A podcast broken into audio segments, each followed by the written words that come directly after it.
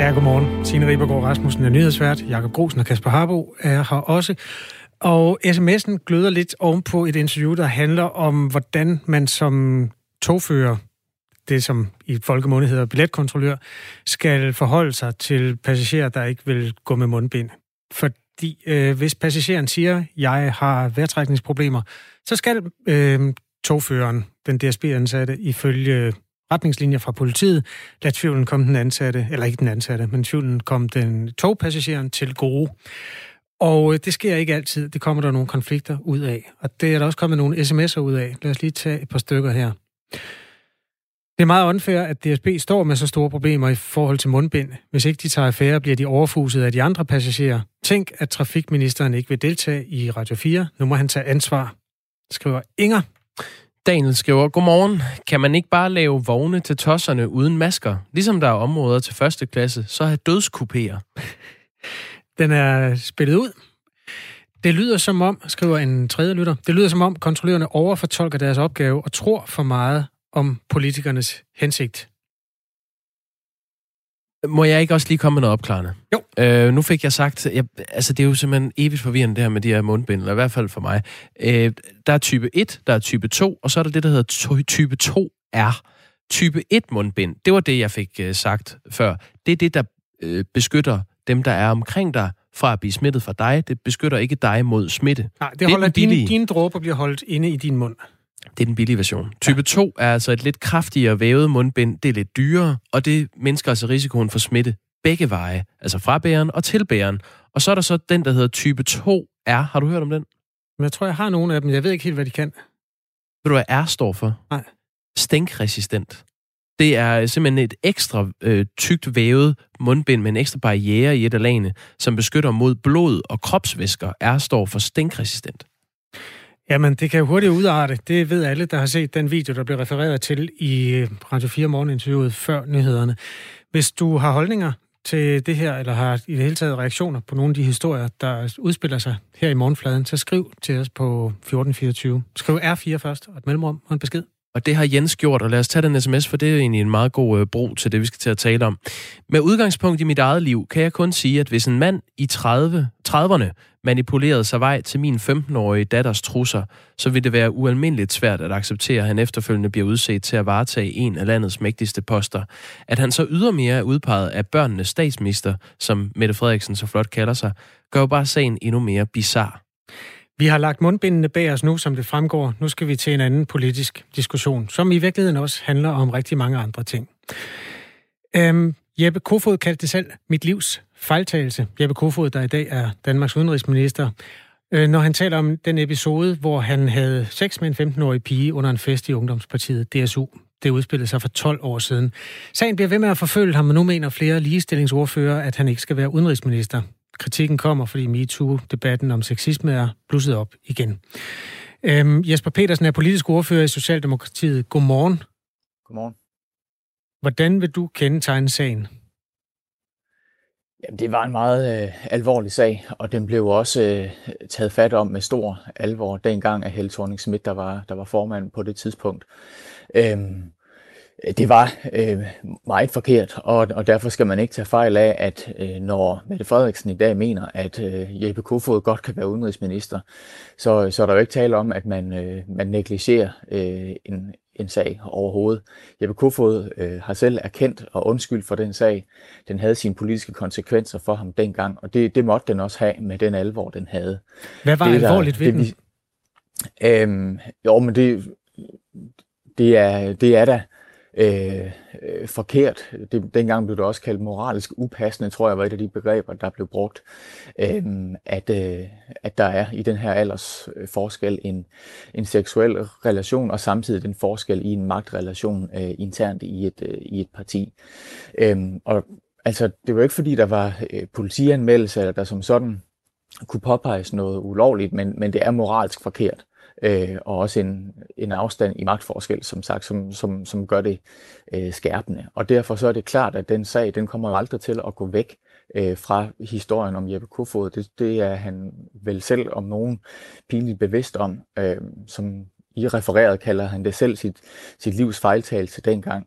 Øh, det vi siger nu, er jo så også, at på trods af, at man har begået noget øh, forkert, øh, så må det også være muligt på et tidspunkt at kunne sætte et punktum, når det forkerte er erkendt øh, og håndteret og undskyldt, og, og komme videre i sit liv, og i det her tilfælde med at have et politisk værv. Sådan et samfund tror jeg gerne, vi vil have, at der bliver slået ned på noget, der er forkert, men at man omvendt også på et tidspunkt har en, en mulighed for at, øh, at, at vende tilbage. Her er, hvad nogle af kritikerne siger til udnævnelsen af Kofod som udenrigsminister. Det er dårlig dømmekraft at udpege ham som udenrigsminister. Det siger Josefine Fock, som er øh, leder af Alternativet til politikken. Er du enig eller uenig i udsagnet, det er dårlig dømmekraft af Mette Frederiksen at udpege Jeppe Kofod som udenrigsminister? Det er jeg ikke enig i. Jeppe Kofod han er ekstremt kompetent til den, øh, til den post, og, og derfor øh, har Mette Frederiksen også gerne vil have ham som, øh, som udenrigsminister.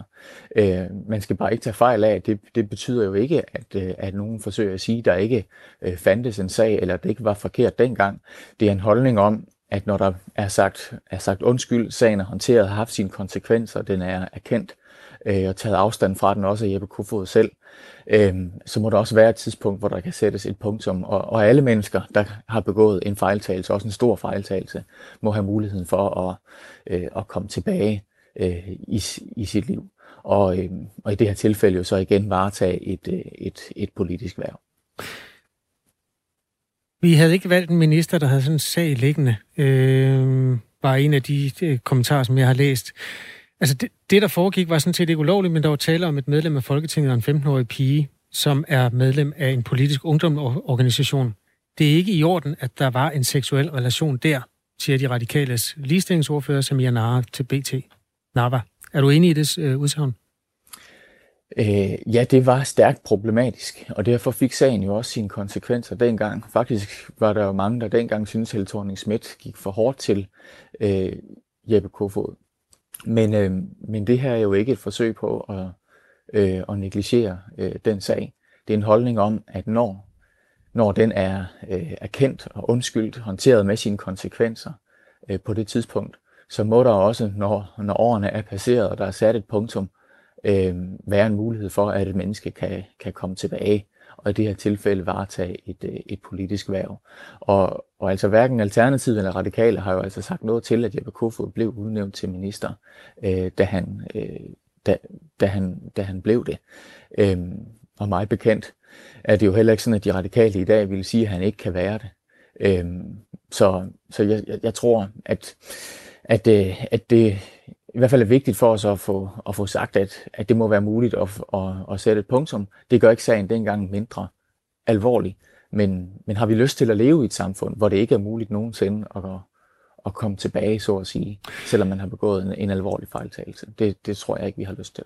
Der er en af vores lyttere, der skriver, jamen, hvilke konsekvenser har det egentlig haft for Jeppe Kofod? Altså, han sidder af udenrigsminister i dag. Det er en af de største politiske poster, der overhovedet eksisterer. Ja, sådan er det jo gået sidenhen. Øhm, men øh, altså øh, i fuld åbenhed øh, blev den her sag jo altså øh, håndteret dengang. Øh, det havde selvfølgelig nogle øh, politiske konsekvenser, og det er jo også dem, vi ser vi egentlig ser stadigvæk i, i vurderingen af øh, Jeppe Kofod. Det forlader ham jo sådan set aldrig. Øhm, Jeppe Kofod blev frataget sine ordførerskaber øhm, og, og var sat i en, en form for tænkepause. Noget, som Morten Østergaard i øvrigt dengang synes var at, at, at gå for langt øh, i, øh, i håndteringen af den her sag.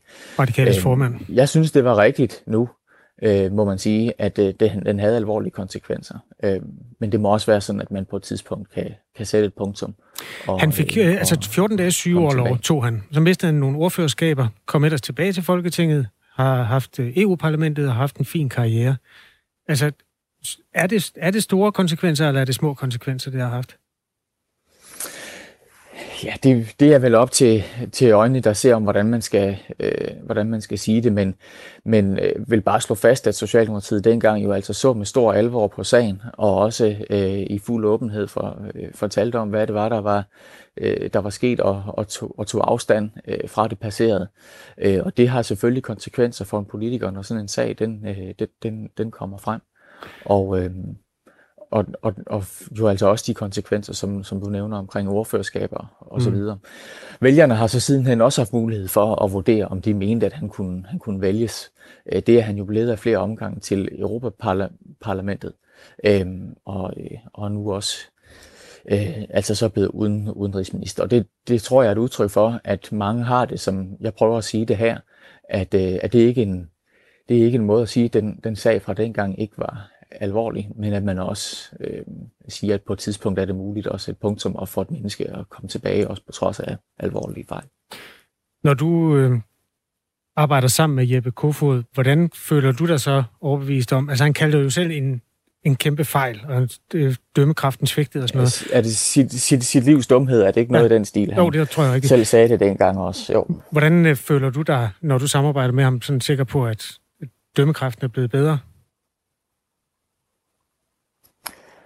Øhm, ja, men altså, øh, øh, dømmekraften, den svigtede alvorligt på det tidspunkt i øh, under øh, en fest og i et, øh, i et forhold til en, en, øh, en ganske ung kvinde.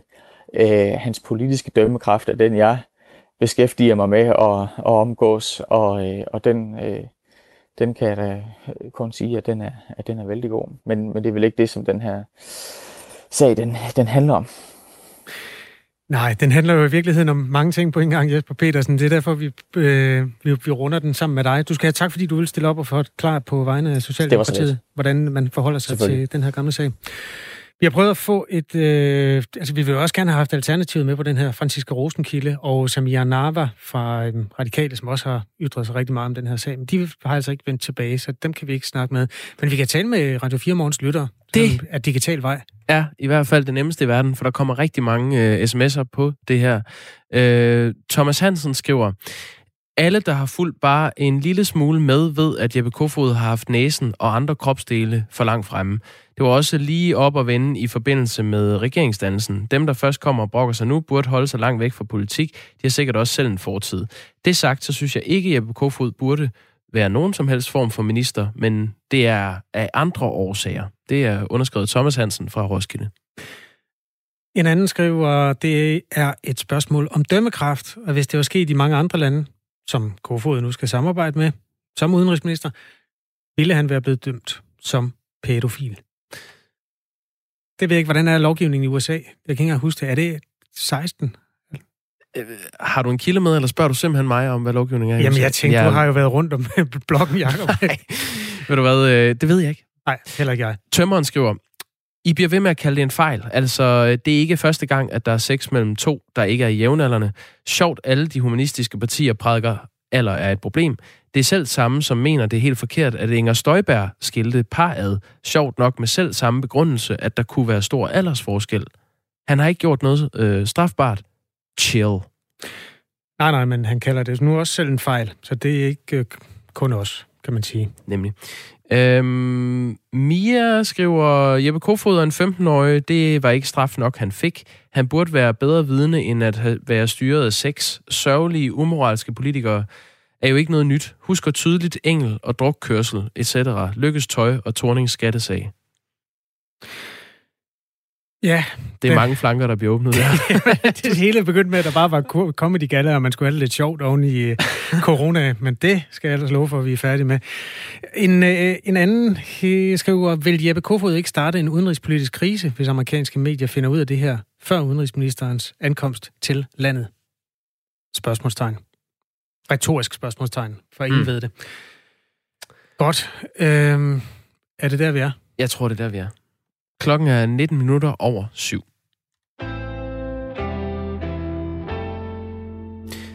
I dag er den 15. september, det er tirsdag, og der er menighedsrådsvalg i dag. Men det er ikke alle menighedsråd, der har lige nemt ved at skaffe medlemmer.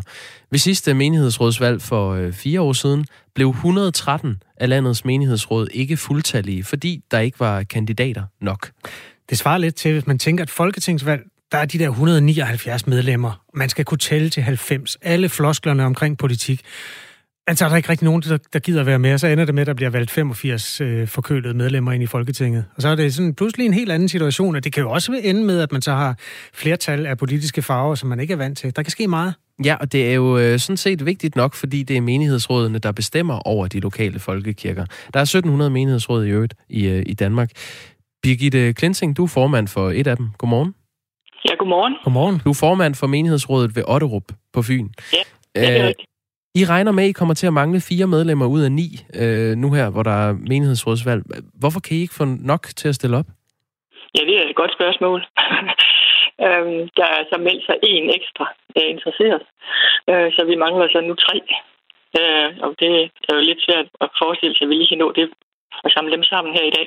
Så det er simpelthen det er en vurdering, Men, øhm, det er en vurdering ud fra, at øh, ikke hvem I, altså det er simpelthen, hvem I kan vælge ind. Dem, der melder sig, de bliver valgt ind. Sådan er det. Ja, nej, alle, alle, er, altså, alle er på valg.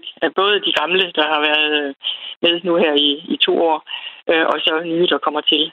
Der er altså alle, alle ni, der, der bliver stillet op, øh, er alle sammen på valg. Øh, gamle og nye. Okay. Og øh, altså det, det vi håber så, jeg kan lige sige, at øh, vi har jo så i det nuværende menighedsråd en gennemsnitsalder på 75 år. Op. Så øh, vi håber sådan set, at vi kunne få lidt yngre folk til også at ville stille op. Ja. Og gerne de 50-60 år, det kunne jeg godt tænke mig at prikke lidt til, fordi yngre familier, de øh, har jo no- nok at gøre med deres børn og arbejde og sådan. Men øh, mellemgruppen der mangler vi sådan set også. Der er et par stykker af dem, som kom med sidste år, øh, sidste omgang her, som har lavet et stort arbejde i rådet, og som så alligevel øh, vælger at, at sige, at det var så det for de to år.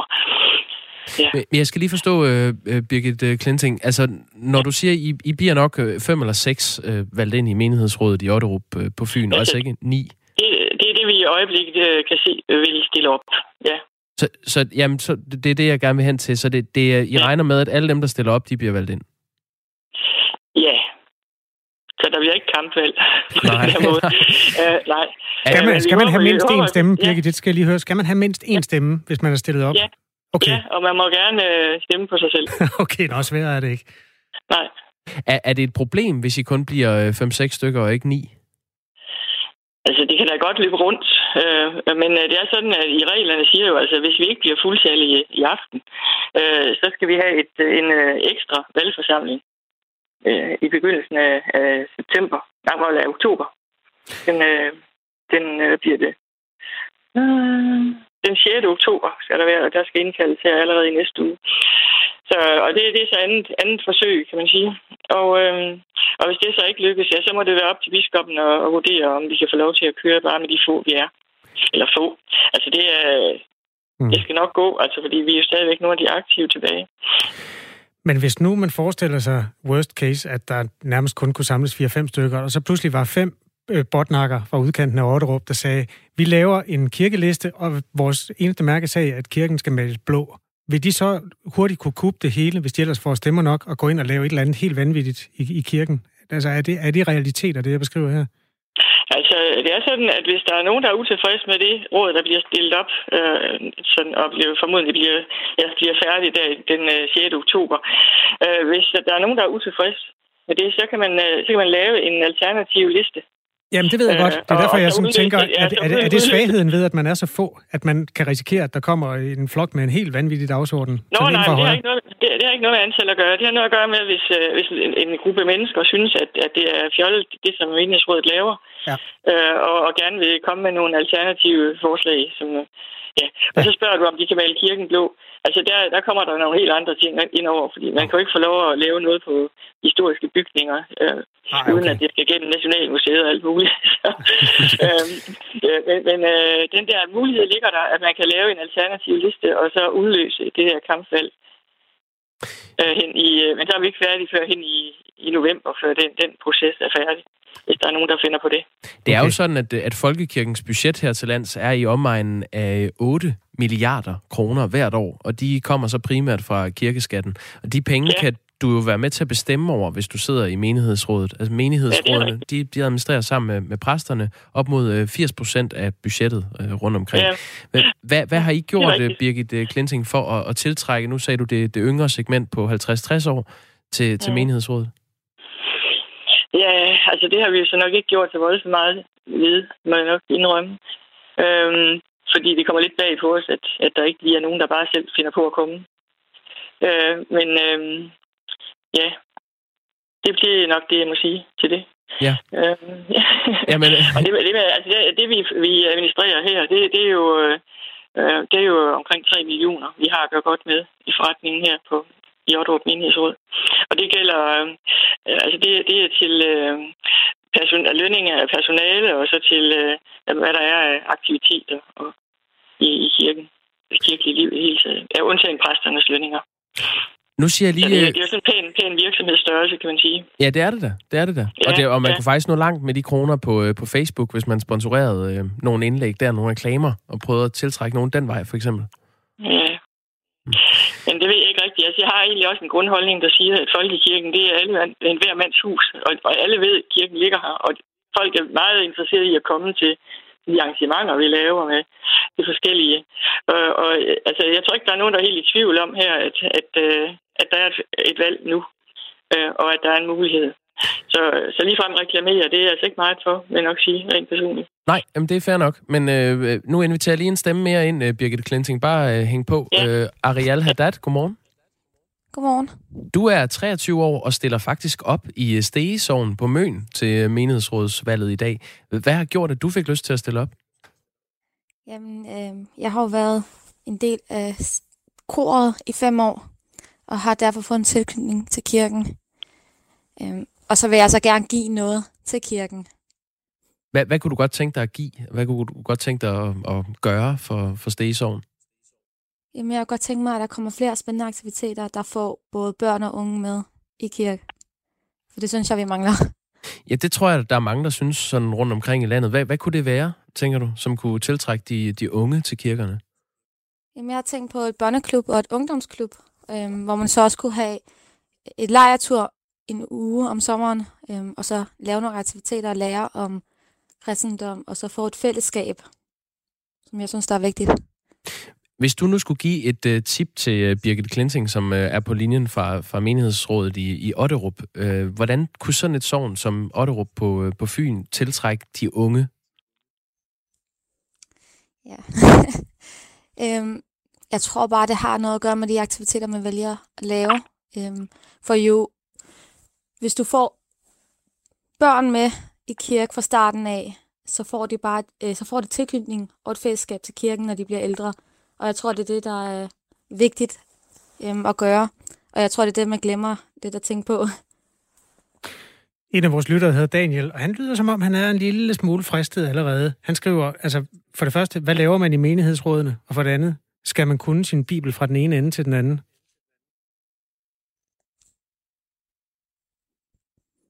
Jeg ved ikke, hvem er der skal svare på det, Birgit Klinting. Du har mest erfaring. Ja. Nå, nå ja. ja, altså man behøver ikke at kunne sin bibel fra den ene ende til den anden. Altså man øh, må gerne komme som almindelig borger.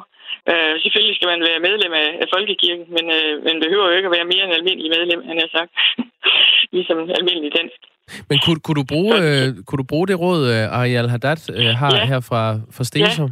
Ja. ja, ja bestemt, fordi jeg synes, det, det er noget af det, som vi også har talt om her på det seneste jo, at vi, vi det er noget, et, vores svage punkt, det er nok øh, kontakten til de, til de unge lige efter konfirmation. Så man kan holde kontakten ved lige med, med de unge der. Så ja, tanken har strejfet os, men vi er ikke rigtig kommet i gang endnu. Vi står i et vadet sted, hvor, hvor vi har holdt til afsked her for nylig med vores øh, sovnepræst, som har haft et kæmpe stort arbejde med 92 øh, begravelser om året, og hvad der ellers er. Ja. og vi, altså, hvad, hedder det, borgerne i, i, der, der er nok en gennems, høj gennemsnitsalder i, i Otterup, så de ældre har, har, har hvad skal man sige, fået forholdsvis uh, stor opmærksomhed. og det, øh, det har nok gjort, at vi så i periode, i, ja, at vi sådan set har, ikke rigtig har, har haft fokus på de unge i tilstrækkelig grad. Og jeg synes, det er nogle rigtig gode idéer, at at vi hører om her. Ja, Ariel øh, Haddad, lige her til sidst. Øh, har du noget indtryk af, om I er nok til at udfylde de pladser, der er i menighedsrådet i Stegsovn på Møn? Altså, jeg ved, at vi er omkring 10, der stiller op. Øh, hvad jeg ved. Men der kunne jo godt være andre, som jeg kender til. Og hvor mange skal I bruge? Men er vi i hvert fald 10. Hvor mange skal I bruge? 8. Okay, der kunne godt komme lidt kampvalg. Øh, jeg vil ønske jer begge et øh, godt menighedsrådsvalg i dag. Jo, tak skal du have. Og tak fordi I var med. Det var Ariel Haddad på 23 og Birgit Klinting fra Otterup på Fyn. Vi vil ønske alle et uh, godt menighedsråd så valg i dag. Også bare dem, der skal hen og stemme. Ja, skal du hen og stemme? Det skal jeg da Søren sus med det, nok sige dig, at jeg lige skal tænke over, om jeg skal. Det kunne jeg godt se. Hold op, du kigger godt nok meget, meget langt nu. Jeg tjekker ikke postkassen. Tænk over det. Der er nyheder nu. Okay.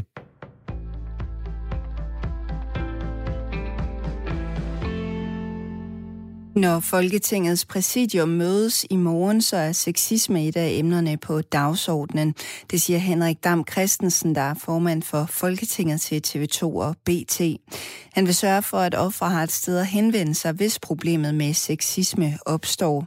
Vi skal være sikre på, at der bliver taget hånd om det, hvis der er en sag, siger han til TV2. Præsidiet tager sig af de indre forhold i Folketinget. Udmeldingen kommer efter, at den, der den seneste tid er kommet fokus på krænkende adfærd i mediebranchen. Det begyndte efter, at tv-vært Sofie Linde delte personlige oplysninger fra sit arbejdsliv i mediebranchen ved årets Solo Comedy Gala. Ifølge Samira Narva, der er ligestillingsordfører hos de radikale, så er der også seksuel chikane på Christiansborg. Og det har hun bedt partiets medlem af Folketingets præsidium, Jens Rode, om at gå videre med. Men den sag tager formand for Folketinget, Henrik Dam Christensen, altså nu selv op. Der bliver ikke nogen Hubertusjagt i dyrehaven i år. Jagtledelsen i Sportsredeklubben har nemlig set sig nødsaget til at aflyse arrangementet. Det har også været en meget svær beslutning, øh, fordi det er jo en kæmpe tradition, som har kørt nu i cirka 120 år, og kun aflyst under 2. verdenskrig. Men vi synes simpelthen ikke, at under de nuværende omstændigheder, at det er forsvarligt eller muligt at afholde jagten.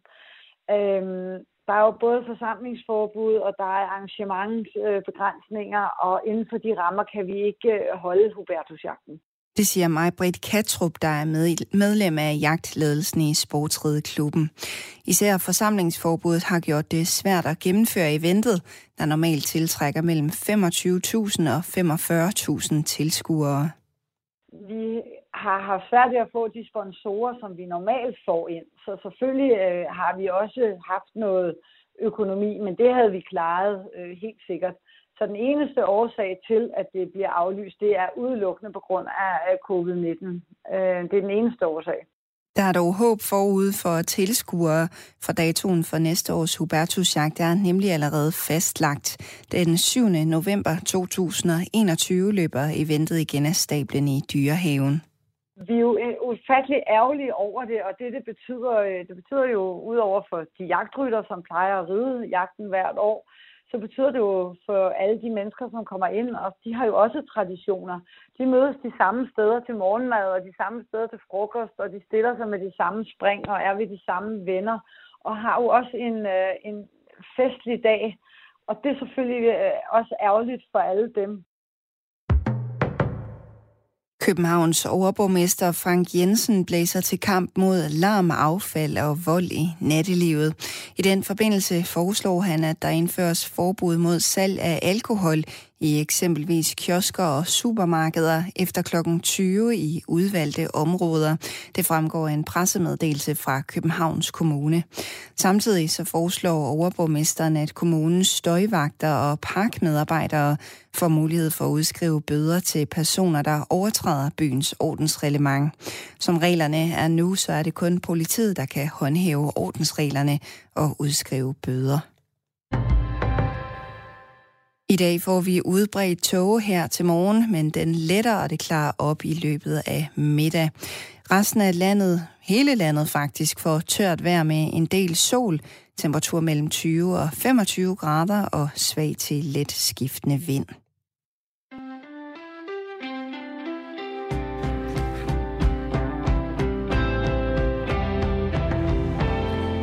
Menighedsrådsvalgsdagen i dag hedder den 15. september 2020, og det er en tirsdag. Og øh, Kasper, har du tænkt over det? Skal du stemme i dag? Jeg skal lige finde ud af, om der er et valg. Men det er der vel, eller også er der ikke. Men der er jo ikke noget Det er kampvalg. kryptisk. Jamen, det er jo det, der Nå, udspiller sig jamen, år. der er nok til at stille op, eller om, jamen, de skal jo, nå, så mener du bare, så stemmer de bare på sig selv. Det kan man jo. Ja, kan de ikke selv ordne det i dag? De har ikke brug for Lige din stemme. i dag. Så kan de også, øh, de ved jo lidt mere om, hvem der er gode. Silas har skrevet, kirken er tabt. Jeg er kun 32 år, jeg gik i kirke og søndagsskole, da jeg var barn, og synes sådan set, de gjorde det godt. Men bare fordi man hører historier, betyder ikke, at man får et nært forhold til kirken og en fantasiven i skyen. Altså, der er de der tre-fire gange om året, hvor man bliver som, det kan jeg sige, som fuldstændig blød kulturkristen, hvor man bliver ekstremt varm om, hvor jeg bliver ekstremt varm om hjertet over, at kirken eksisterer. Så jeg er glad for, at øh, den er der. Og jeg synes, at de mennesker, der gør det stykke arbejde, de fortjener, at det er skulderklap, at man står der. Så jeg har lige besluttet mig for, at jeg prøver at finde den der stemmeseddel. Det må ligge et eller andet sted, og så går jeg ned og gør det. Du, du behøver ikke engang gå derned. Man kan faktisk gøre det online, så vidt jeg er orienteret. Nå, så øh, det kan simpelthen der. ordnes. Okay, det gør jeg lige. Smukt. Klokken er øh, 25 minutter i 8, og det er altså Radio 4 morgen med Kasper Harbo og Jakob Grosen og Signe Ribergaard Rasmussen, der har nyhederne klokken halv og hel.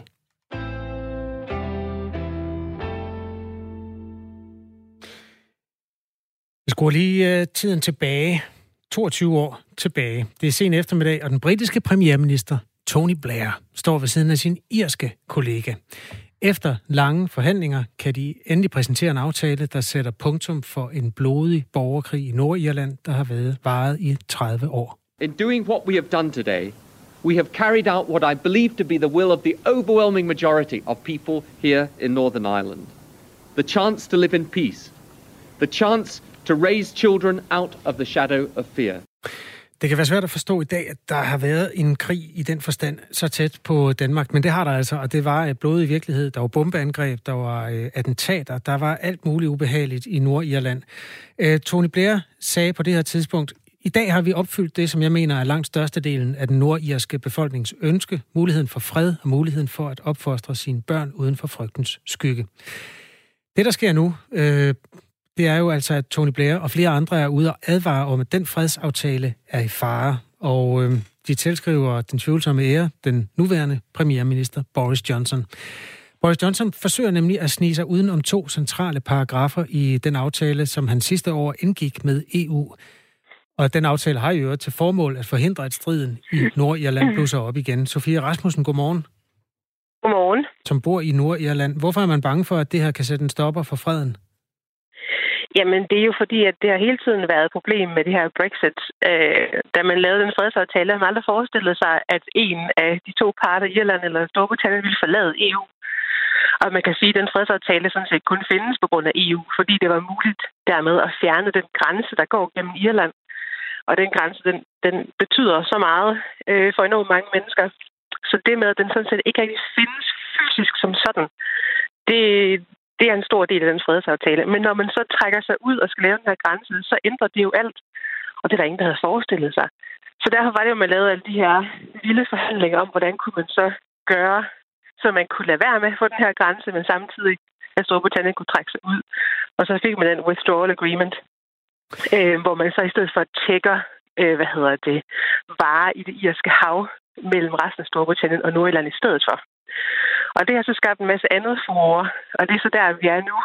Mm. Øh, fordi at der er jo så nogen, der så påstår på unionisternes side, eller måske også sådan groft øh, trukket op producenternes side, at det jo så skaber en intern grænse i Storbritannien, og dermed bryder Storbritannien op, og sådan set skubber dem hen imod et forenet Irland, som de er imod. Ja, okay. Altså, vi skal lige slå fast måske, aftalen mellem EU og Storbritannien, der blev indgået sidste år, den skal sikre, at der ikke opstår den her synlige grænse mellem Irland og Nordirland. Ja. Øhm, og den betyder, at Nordirland i praksis bliver EU's øh, altså bliver i EU's indre marked, mod at britterne så overholder visse regler om statsstøtte og tolv og alt sådan noget. Alt det her, Sofie Rasmussen, øh, det er jo øh, altså handels, handelsbestemmelser øh, og sådan noget. Hvor, hvad har det med borgerkrig at gøre? Jamen, det er fordi, at øh, det stadigvæk sidder ret sådan råt lige under huden hos folk, og der skal ikke så meget til, før tingene kan blusse op igen. Øh, det ligger lige under overfladen, øh, og den grænse, den betyder alt. Kan du give et eksempel på det, at du synes, det ligger lige under overfladen på de mennesker, Jamen, som... For... Ja, altså det, det, det er jo fordi folk kan huske det nu, og fordi at der er mange, der, der bliver øh, såret på alle mulige måder. Og fordi, at, at hvad kan man sige, Nordjylland er jo trukket op øh, skarpt i to lejre. Og hvad hedder det, nationalisterne, katolikkerne ønsker jo stadig forenet Irland, langt de fleste af dem i hvert fald. Øh, så derfor så, så kan det godt ske, at man har en, en fred på den måde, men man kan jo så sige, at striden er jo så flyttet ind i en politisk arena, en kulturelt, kulturel arena i stedet for. Øh, man har jo stadigvæk ikke opgivet håbet om forenet Irland, så protestanterne vil stadigvæk forblive i Storbritannien uanset hvad. Så indtil det løser sig, kan man sige, vil der aldrig rigtig være en reel fred på den måde. Så derfor er det her jo også mega eksplosivt, når man så begynder at lave sådan noget Brexit-halløj, som de har fundet på nu i Storbritannien. Jeg øh, er ved at høre en lydbog om den jugoslaviske borgerkrig, hvor man beskriver nogle af de her etniske grupper, som har været på kant med hinanden i mange herrens år, og hvordan noget af historiefortællingen, som kom frem der i starten af 90'erne, var med til at puste til al den der nationalisme, nationalisme som i den sidste ende betød væbnede konflikter brød ud. Altså, hvad, er det, hvad, hvad frygter du, eller hvad frygter man, at vil være første skridt i retning af noget væbnet?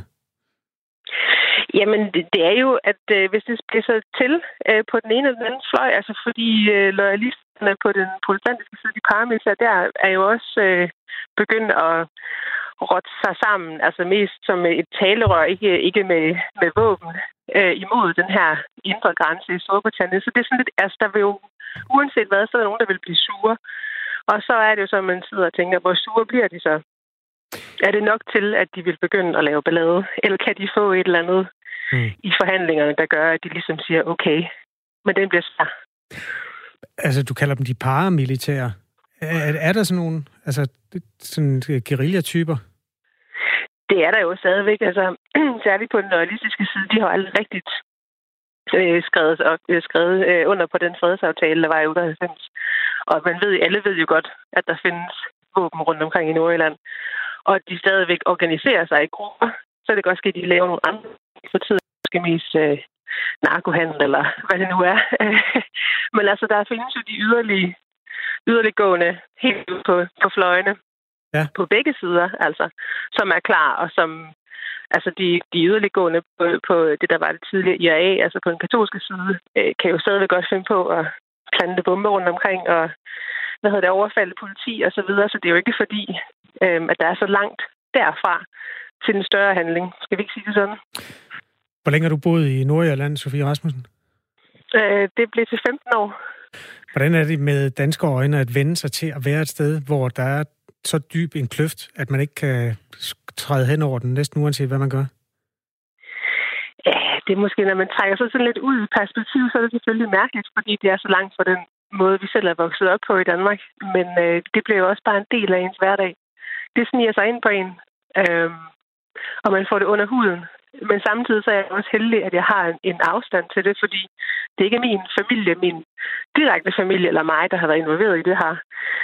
Nogle meget stærke følelser på spil på den måde. Jeg kan godt se lidt mere nøgtern på det. Men det er da svært. Det er et skridt frem og to tilbage. Ja. Nu øh, har Boris Johnson så tvivl om, hvorvidt han vil overholde de her regler, og selvom aftalen her den allerede har status af international lov, så vækker det altså de gamle spøgelser i live i Nordirland. Hvad er det bedste, der kan ske lige nu, Sofie Rasmussen, på de kanter? Altså, det, det, det, man er sur over, det er jo, at man altid der sidder og den lille bunde i det store skakspil. Det er altid Nordjylland, man ligesom hiver fat i, og så leger lidt øh, politik med. Fordi det virker som, at man er lidt ligeglad med Nordjylland i England, og det er man måske også. Øh, der er kun 1,5 millioner mennesker. Så egentlig, der er træt af at høre om alle de problemer, der er i Nordjylland. Og så, så, så bliver det nemt bare sådan en, en pawn in the game. Og det, det er man så træt af at være, øh, uanset hvad for en side det så er. Og jeg synes, Boris Johnson virkelig har... Altså, han, han har jo ligesom... Man kan, det er så tydeligt, at det er et spil, han spiller. At det er blevet så tydeligt nu. Og det er også det, der gør folk sure, ikke? Altså, det er gået op for alle, at Storbritannien spiller et spil. Der er ikke nogen, der sådan tænker, åh, Storbritannien, vores moderland, øh, de passer på os. Jeg tror, de fleste har fået en, en dose øh, realisme der. Jamen, øh, vi følger med. Pas godt på dig selv, og tak fordi du vil hjælpe os med at, jo, tak skal det. at fortælle om, om hverdagen, og øh, også det, der sker under overfladen i Nordirland. Sofie Rasmussen, som altså har boet der i 15 år. Klokken er 7.44. Det her det er Radio 4 morgen.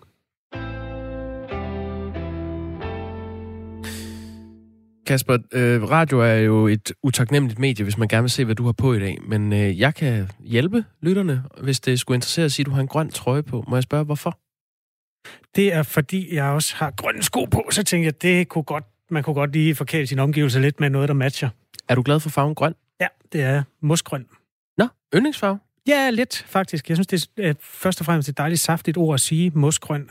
Ja. Kan du huske det mosgrønne badeværelse? Ol- Aalborgs borgmester, en korruptionssag i 80'erne. Han fik et uh, mosgrønt badeværelse af en eller anden entreprenør. Han endte med at ryge i fængsel, så vidt jeg husker. Det er meget betændt. Det skal, du skal slet ikke åbne den, hvis du kommer til Aalborg, den historie. Men det var bare for at sige det.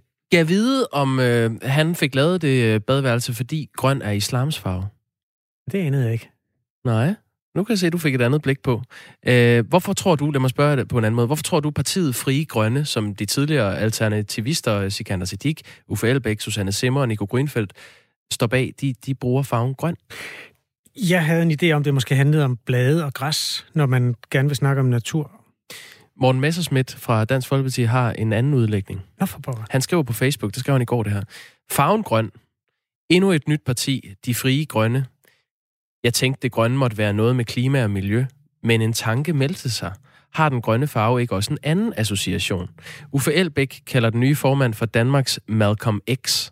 Han var muslim og afviste borgerrettighedsbevægelsens ikke-voldsstrategi. Han gik ind for vold som politisk redskab. Den nye formand siger selv, at han er både Black Lives Matter og Black Panthers, som begge har brugt voldelige metoder for at fremme deres sag.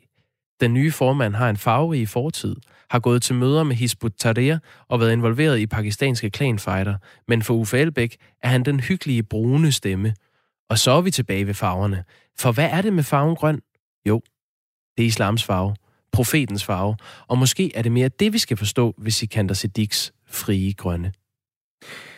Jeg vil bare sige, at der skal ryddes ufattelig meget op i kostpyramiden og alle mulige andre steder i vores øh, liv, hvis farven grøn den kun handler om militant islam fra nu af. Men det er jo Morten Messerschmidt, der er næstformand i det, DF. Ja, og det er sådan set heller ikke forkert. Altså, farven grøn betragtes af mange øh, muslimer som islams hellige farve eller profetens farve. Øh, grøn opfattes faktisk som øh, islams farve, fordi profetens, øh, profeten Mohammeds stamme havde et grønt banner, og den grønne farve var for disse beduiner symbol på paradis. Og så vidt jeg ved, nu øh, bevæger jeg mig ud i noget, jeg ikke har en PhD i, men så tror jeg det er derfor, at Saudi-Arabiens flag er grønt. Så hvorfor har du en grøn trøje på i dag? Jamen, det er da nok fordi, at jeg godt kan lide mosgrøn. Okay. Den er ikke længere, Nej, okay. men øh, der Fint. kan være nogle grunde, jeg ikke selv er bevidst om, selvfølgelig. Ja, jeg synes bare lige, det skulle lægges øh, out in the open, så kan man selv tage stilling til det. Der er en, allerede en, der reagerer. Fri Grønne har stemmer klar, i hvert fald hos os. Morten Messersmith skal holde sig til meldt og felt. Citat slut. Der lukkede øh, du Der stod noget mere i den sms. Ja. Øhm, mm-hmm. Han hed Marius Andersen, står der en anden. Det er den tidligere borgmester i Aalborg, der røg i fængsel efter at have fået et mosgrønt badeværelse. Han var åbenbart også islamist. Det er fantastisk. Det er fantastisk. Vi uh, samsender med uh, alle jer dejlige lyttere. Tak fordi I skriver ind på 1424. Ja, klokken er 7.48.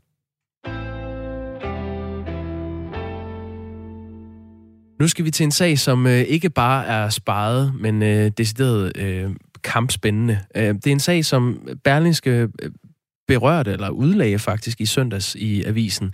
En historie om et hemmeligt dokument, som er gemt væk i et pengeskab på kastellet i København. Og det er der, hvor Forsvarets efterretningstjeneste holder til. Det er et dokument, som nu er blevet afsløret, og som spiller ind i hele skandalen omkring FE. Godmorgen, Simon Andersen. Godmorgen. Godmorgen. Nyhedschef på øh, Berlingske. Du har været med til at lave den her historie om en hemmelig aftale med USA, der trækker trådet tilbage til 98, hvor Poul Nyrup Rasmussen var statsminister. Start med at fortælle om det hemmelige dokument. Hvad, hvad står der på det? Ja, nu siger du, der ligger et hemmeligt dokument på Kastellet i København. Jeg tror, der ligger bunker af dokumenter. Det er bare meget sjældent, vi får at vide, hvad der står i nogle af dem. Og så heldig har vi altså været i den her sag. Det, der sker midt i 90'erne, er, at den amerikanske efterretningstjeneste NSA, National Security Agency, som vi jo kender fra hele Snowden-affæren, de opdager, at der er et sted i København, er det, der hedder Switches, internationale telekabler, der er gravet ned et sted hos en privat dansk øh, virksomhed, hvor der er en helt unik, på grund af Danmarks placering og det her selskabskabler, er der en helt unik øh, adgang til især russisk, men også kinesisk øh, teletrafik. Og det, der gør det her kabel enormt spændende, det er, at der også er interrussisk trafik. Det kan være meget svært at forstå. Jeg er heller ikke sikker på, at jeg har forstået det selv endnu. Men det er faktisk sådan, at hvis to personer i Sibirien ringer til hinanden, jamen så kan det faktisk tage en tur over øh, København på et, et halvt sekund. Og NSA finder selvfølgelig i øh, midten af 90'erne det her kabel så øh, vanvittigt interessant, at man gerne vil have adgang til det. Så har en amerikansk efterretningstjeneste to muligheder. Den kan tage sig adgangen, eller den kan forsøge at få det, der hedder partnerlandet, det vil sige Danmark, nær allieret, mm. med på at give adgang. I første omgang, der siger FE, altså Forsvarets efterretningstjeneste, nej til NSA. Man ønsker ikke at medvirke til, øh, at de her kabler bliver tappet. Men den amerikanske regering retter så en øh, personlig henvendelse til den daværende statsminister Paul Nyrup Rasmussen og beder ham om at genoverveje den beslutning, FE har taget, og det gør han og giver så tilladelsen. Og daværende præsident Clintons besøg i 97 er et, øh, et direkte tak for, for den hjælp. Så spørger du, hvad er det for et dokument? I den her sag ligger der flere dokumenter, men der ligger øh, især to dokumenter. Det ene er aftalen, som Poul Nyrup Rasmussen, daværende og nu afdøde forsvarsminister Hans Hækkerup, og daværende departementchef i Forsvarsministeriet Anders Troldborg underskriver, som bliver vist til det private selskab. Det ligger i et pengeskab et eller andet sted på kastellet. Det, der også ligger, er et hvidt stykke papir, hvor skiftende forsvarsministre har skrevet under på, at de er bekendt med med den her aftale. Så det er de to meget centrale og vigtige og spændende dokumenter, vi, vi taler om i den her sag. Og der er det jo også interessant, at øh, nuværende forsvarsminister Trine Bramsen har virket relativt overrasket over, at øh, den her sag den er kommet frem, øh, skandalen i FE. Øh, mm. Har hun skrevet under på det? dokument? Det øh, vil jeg tro, hun har. Ja, hun er i hvert fald, ligesom alle andre, øh, meget tæt orienteret om, om den her aftale. Det, man jo skal vide, er, at selvom skiftende forsvarsminister har kendt til den her aftale og dens grundpræmisser, øh, så kan det jo godt være, og det er jo det, der er spørgsmålet nu, som en kommende undersøgelse skal vise, om øh, Forsvars efterretningstjeneste, så under den nuværende chef og den tidligere chef, har forvaltet aftalen på en måde, øh, der er ulovlig, og på en måde, som politikerne ikke har kendt til. Det, det har vi jo simpelthen endnu til gode at blive klogere på. Jeg indledte det her med at sige, at det, ligger i et pengeskab øh, bag lås og slå på kastellet i København, hvor øh, FE holder til. Hvor ved I det her fra? Det ved vi, fordi der er nogle personer, der har været så venlige at fortælle os det. De kilder, jeg tager med, de optræder anonymt. Hvorfor gør de det? Det er, fordi de selvfølgelig risikerer en masse ved at uh, fortælle ting, som kan være fortrolige til en avis. Hvilke konkrete konsekvenser har det fået, at det nu er blevet afsløret, det her? Det har vi jo også til gode at, at vide mere om. Altså, det er klart, at et lille land som Danmark er ekstremt afhængig af et meget tæt samarbejde med vores nærmeste allierede. Og det beror jo på, på tavshedens lov, at man er i stand til at holde på sine hemmeligheder. Så det er jo fuldstændig umuligt for os at vide endnu, hvad de langsigtede skadevirkninger kan være. Men, men, men, men, men alene det, at der på den ekstremt dramatiske måde et officielt regeringstilsyn så tvivl om lovligheden af et samarbejde, som det tager fem minutter at finde ud af, drejer sig om USA, jo direkte skriver i en pressemeddelelse, at der er tegn på ulovlig indtrængen. Det vil sige, at vi har det, der hedder tilsyn med efterretningstjenester, som i en pressemeddelelse skriver, reelt skriver, at der er, vi er bange for, at vores amerikanske allierede direkte spionerer mod os. Det er jo en helt vild anklage, som selvfølgelig er egnet til at, at, at skabe ubalance i den øh, tætte relation, øh, øh, vi har. Øh, og så sætter Trine Bremsen og statsministeren jo ekstra turbo, ekstra benzin på bålet ved at hjemsende hele FE's ledelse. Så det er klart, at det bliver bemærket, øh, hvordan vi reagerer på den her sag.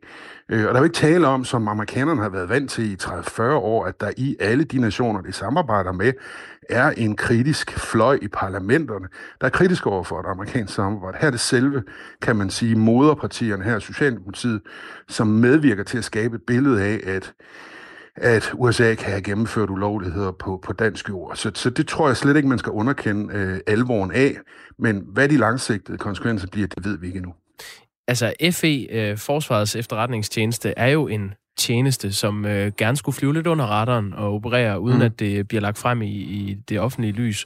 Øhm, hvad, hvad er dine overvejelser omkring øh, den del af sagen, at, øh, at det her nu bliver, øh, bliver en offentlig sag, hvor, øh, hvor halvdelen af, af nogle af de medarbejdere de bliver sendt hjem osv.? Altså, kan du ikke øh, prøve at udlægge, hvorfor det her det er øh, vigtigt at forstå, selvom man er en almindelig øh, dansker i, i det her land? Jo, men det er jo vigtigt at forstå på, på, på to måder. Det er jo selvfølgelig enormt vigtigt at forstå, hvis vi har en hemmelig tjeneste, som jo har hemmeligheden som sit varemærke, og dermed jo også, om jeg så må sige, lettere kan snyde på vægten, uden at vi nogensinde opdager det. Så al, altså, alvor nummer et er selvfølgelig, hvis den her tjeneste har gennemført ulovligheder, gennemført ulovlige indhentningsprogrammer, afleveret for mange oplysninger om danskere til USA mm. ulovligt. Det er jo en sindssygt alvorlig anklage mod en efterretningstjeneste, som vi er afhængige af, og som vi tilstår øh, tavshed øh, men til gengæld har en forventning om at overholde loven. Det er det ene. Det andet er jo, når nu hemmeligheden bliver lagt frem, så har den her sag jo potentiale til at tilføre langvarig skade til vores relation til øh, måske især øh, den amerikanske partner NSA, fra hvem vi jo får daglige rapporter om terror og alle mulige andre forhold af stor betydning. Så på den måde kan man sige, at det er dobbelt skadeligt. Og der, hvor den jo nok er værst, er, at uanset hvordan den her sag vender, fordi den vil jo blive undersøgt med et eller andet omfang i hemmelighed, uanset hvad, er der jo i hele befolkningen plantet et, et, et frø af mistillid til hele det her felt, altså efterretningstjenester, forsvarsministeriet, forsvarsministeriets evne til at forvalte den her slags. Så, så uanset om tingene bliver normaliseret i løbet af 3 til fem år, så vil der jo stadigvæk i os alle og i øh, parlamentarikerne og i miljøet sidde sådan en fornemmelse af, hvad i verden foregår der egentlig? Er det en ormgård? Altså, hvad, hvad, hvad, hvad er det for forhold, der render en whistleblower rundt og optager sine kolleger? Hvordan i alverden er det muligt? Og hvad tænker den pågældende på? Og hvordan har man haft så dårlig sikkerhed? Så det er måske den langsigtede konsekvens af, at vi bliver tvivlsomme over for tjenester, som vi jo ellers har øh, ret stor tillid til. Søren Pind, tidligere justitsminister, øh, har i kølvandet på jeres historie været ude at sige, at Trine Bramsen bør gå af, gå af som forsvarsminister på grund af den her sag. Altså, det er jo ret store ord ja. fra en tidligere justitsminister. Øh, hvilke konsekvenser tror du, det, det får for Trine Bramsen? Det er simpelthen for tidligt at sige. Jeg ved, det er et billigt svar. Altså, jeg tror ikke, at... Øh, det siger jo næsten sig selv, at der ikke er flertal for at fjerne Trine Bremsen. Øh, det, det, øh, altså, øh, regeringsparlamentariske røde grundlag, som ellers er påfaldende tavs her, kunne jo have hamret løs på efterretningstjenesten. Det gør de faktisk ikke. Så jeg tror, at det... Øh, altså, selv de røde partier er faktisk en lille smule tvivl om, hvad der er op og ned her. Øh, men at forestille sig, at SF, Enhedslisten og lignende stemme for en mistillidsvotum øh, til Trine Bramsen, det er svært at se for sig lige nu. Det, der til gengæld kan ske, er, at statsministeren, som jo er kendt for at tage beslutninger, når det er nødvendigt, øh, mister tilliden til, at hendes egen forsvarsminister er i stand til at håndtere det forløb, der følger her. Herunder at genoprette forholdet til forsvaret, fordi det er alvorligt skadet øh, Bremsens øh, forhold til, til sit eget øh, forsvar. Det er ikke kun på grund af den her sag, det er også på grund af den, kan man sige, kampagne, hun har kørt de seneste næsten 12 måneder mod rådenskab i forsvaret, hvor hun jo forskellige steder har fået taget ting, som er sagt ting, som er udlagt øh, øh, meget ilde af, af, af de tusindvis af medarbejdere, der er i forsvaret. Hun fortæller om rådenskab. Hvis jeg skifter den ene ud, så er der bare mere rådenskab nedenunder. Så man kan sige, at den kapital, hun er afhængig af i systemet, er meget, meget begrænset. Så hvis det viser sig, øh, altså hvis statsministeren inden for, nu siger jeg bare et halvt års tid, øh, mister tilliden til, at Trine Bremsen er i stand til at få et fornuftigt forhold til sit eget ministerområde, så vil jeg tro, at, øh, at hun bliver skiftet ud af den vej. Men, men jeg er jo ikke ekspert mm. på det, men, men det kunne man se for sig. Vores øh, lytter Michael har skrevet ind, øh, Simon Andersen, nyhedschef på Berlingske. Michael skriver, tilsynet med efterretningstjenesterne har virkelig skadet dansk mulighed for efterretningsarbejde. Sørgeligt. Man burde kunne forvente, at tilsynet med efterretningstjenesterne kunne løse deres opgave udenom pressen. Er du enig i det? Jeg er jo lidt dobbelt her, fordi på den ene side, så, så øh, er jeg jo øh, glad for, at vi har et offentligt tilsyn, som åbenbart tager opgaven på sig, nemlig at udtale kritik eller tvivl, når der er grund til det. Og på den anden side er jeg også glad for, at vi har en præst, der har mulighed for at skrive om de her forhold.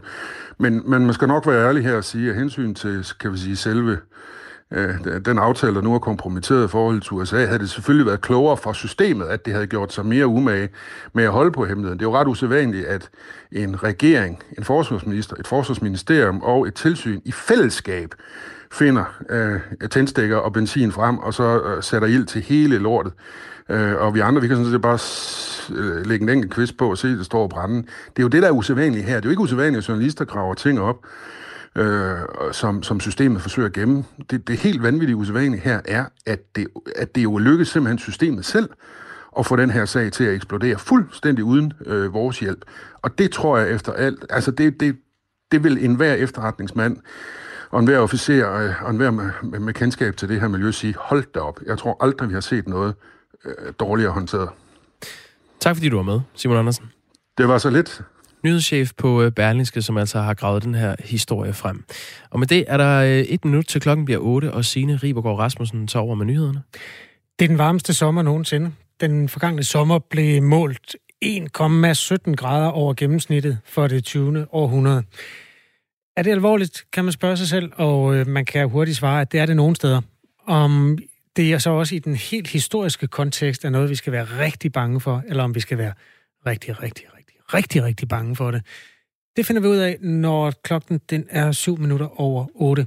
Vi skal også øh, i dag se nærmere på en ny streamingtjeneste, der rykker ind i danskernes øh, liv og på danskernes skærme. Der er endnu en gigant i underholdningsindustrien, der gerne vil være med til at underholde os. Det er dem, der hedder Disney. Disney Plus, den øh, bliver lanceret i dag, ja. Stor dag. Skal vi ikke bare sige uh, Signe Ribergaard Rasmussen,